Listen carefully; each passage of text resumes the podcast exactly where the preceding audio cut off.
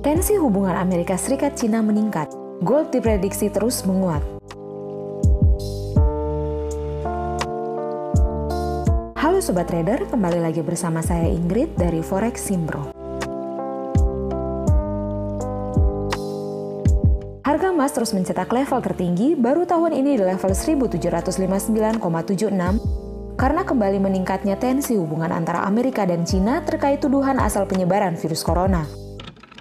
Trump mengancam akan kembali menaikkan tarif produk dari Cina. Selain itu, kekhawatiran pasar meningkat terkait munculnya gelombang kedua coronavirus yang pada pekan lalu merebak di Cina.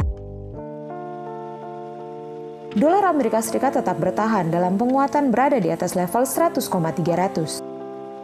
Gold berpotensi menguat kembali menuju level 1765 hingga level 1777. GBP USD diprediksi akan naik ke level 1,2155 sampai 1,2200.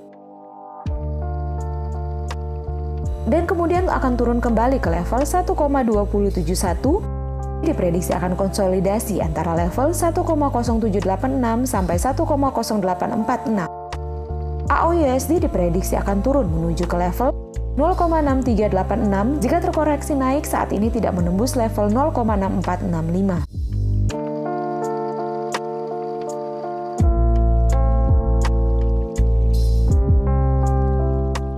Sekian untuk informasi hari ini dari Forex Simpro dan sampai jumpa di episode selanjutnya. Forex Simpro memberikan edukasi dan informasi forex untuk Anda. Trade by yourself and safe trading.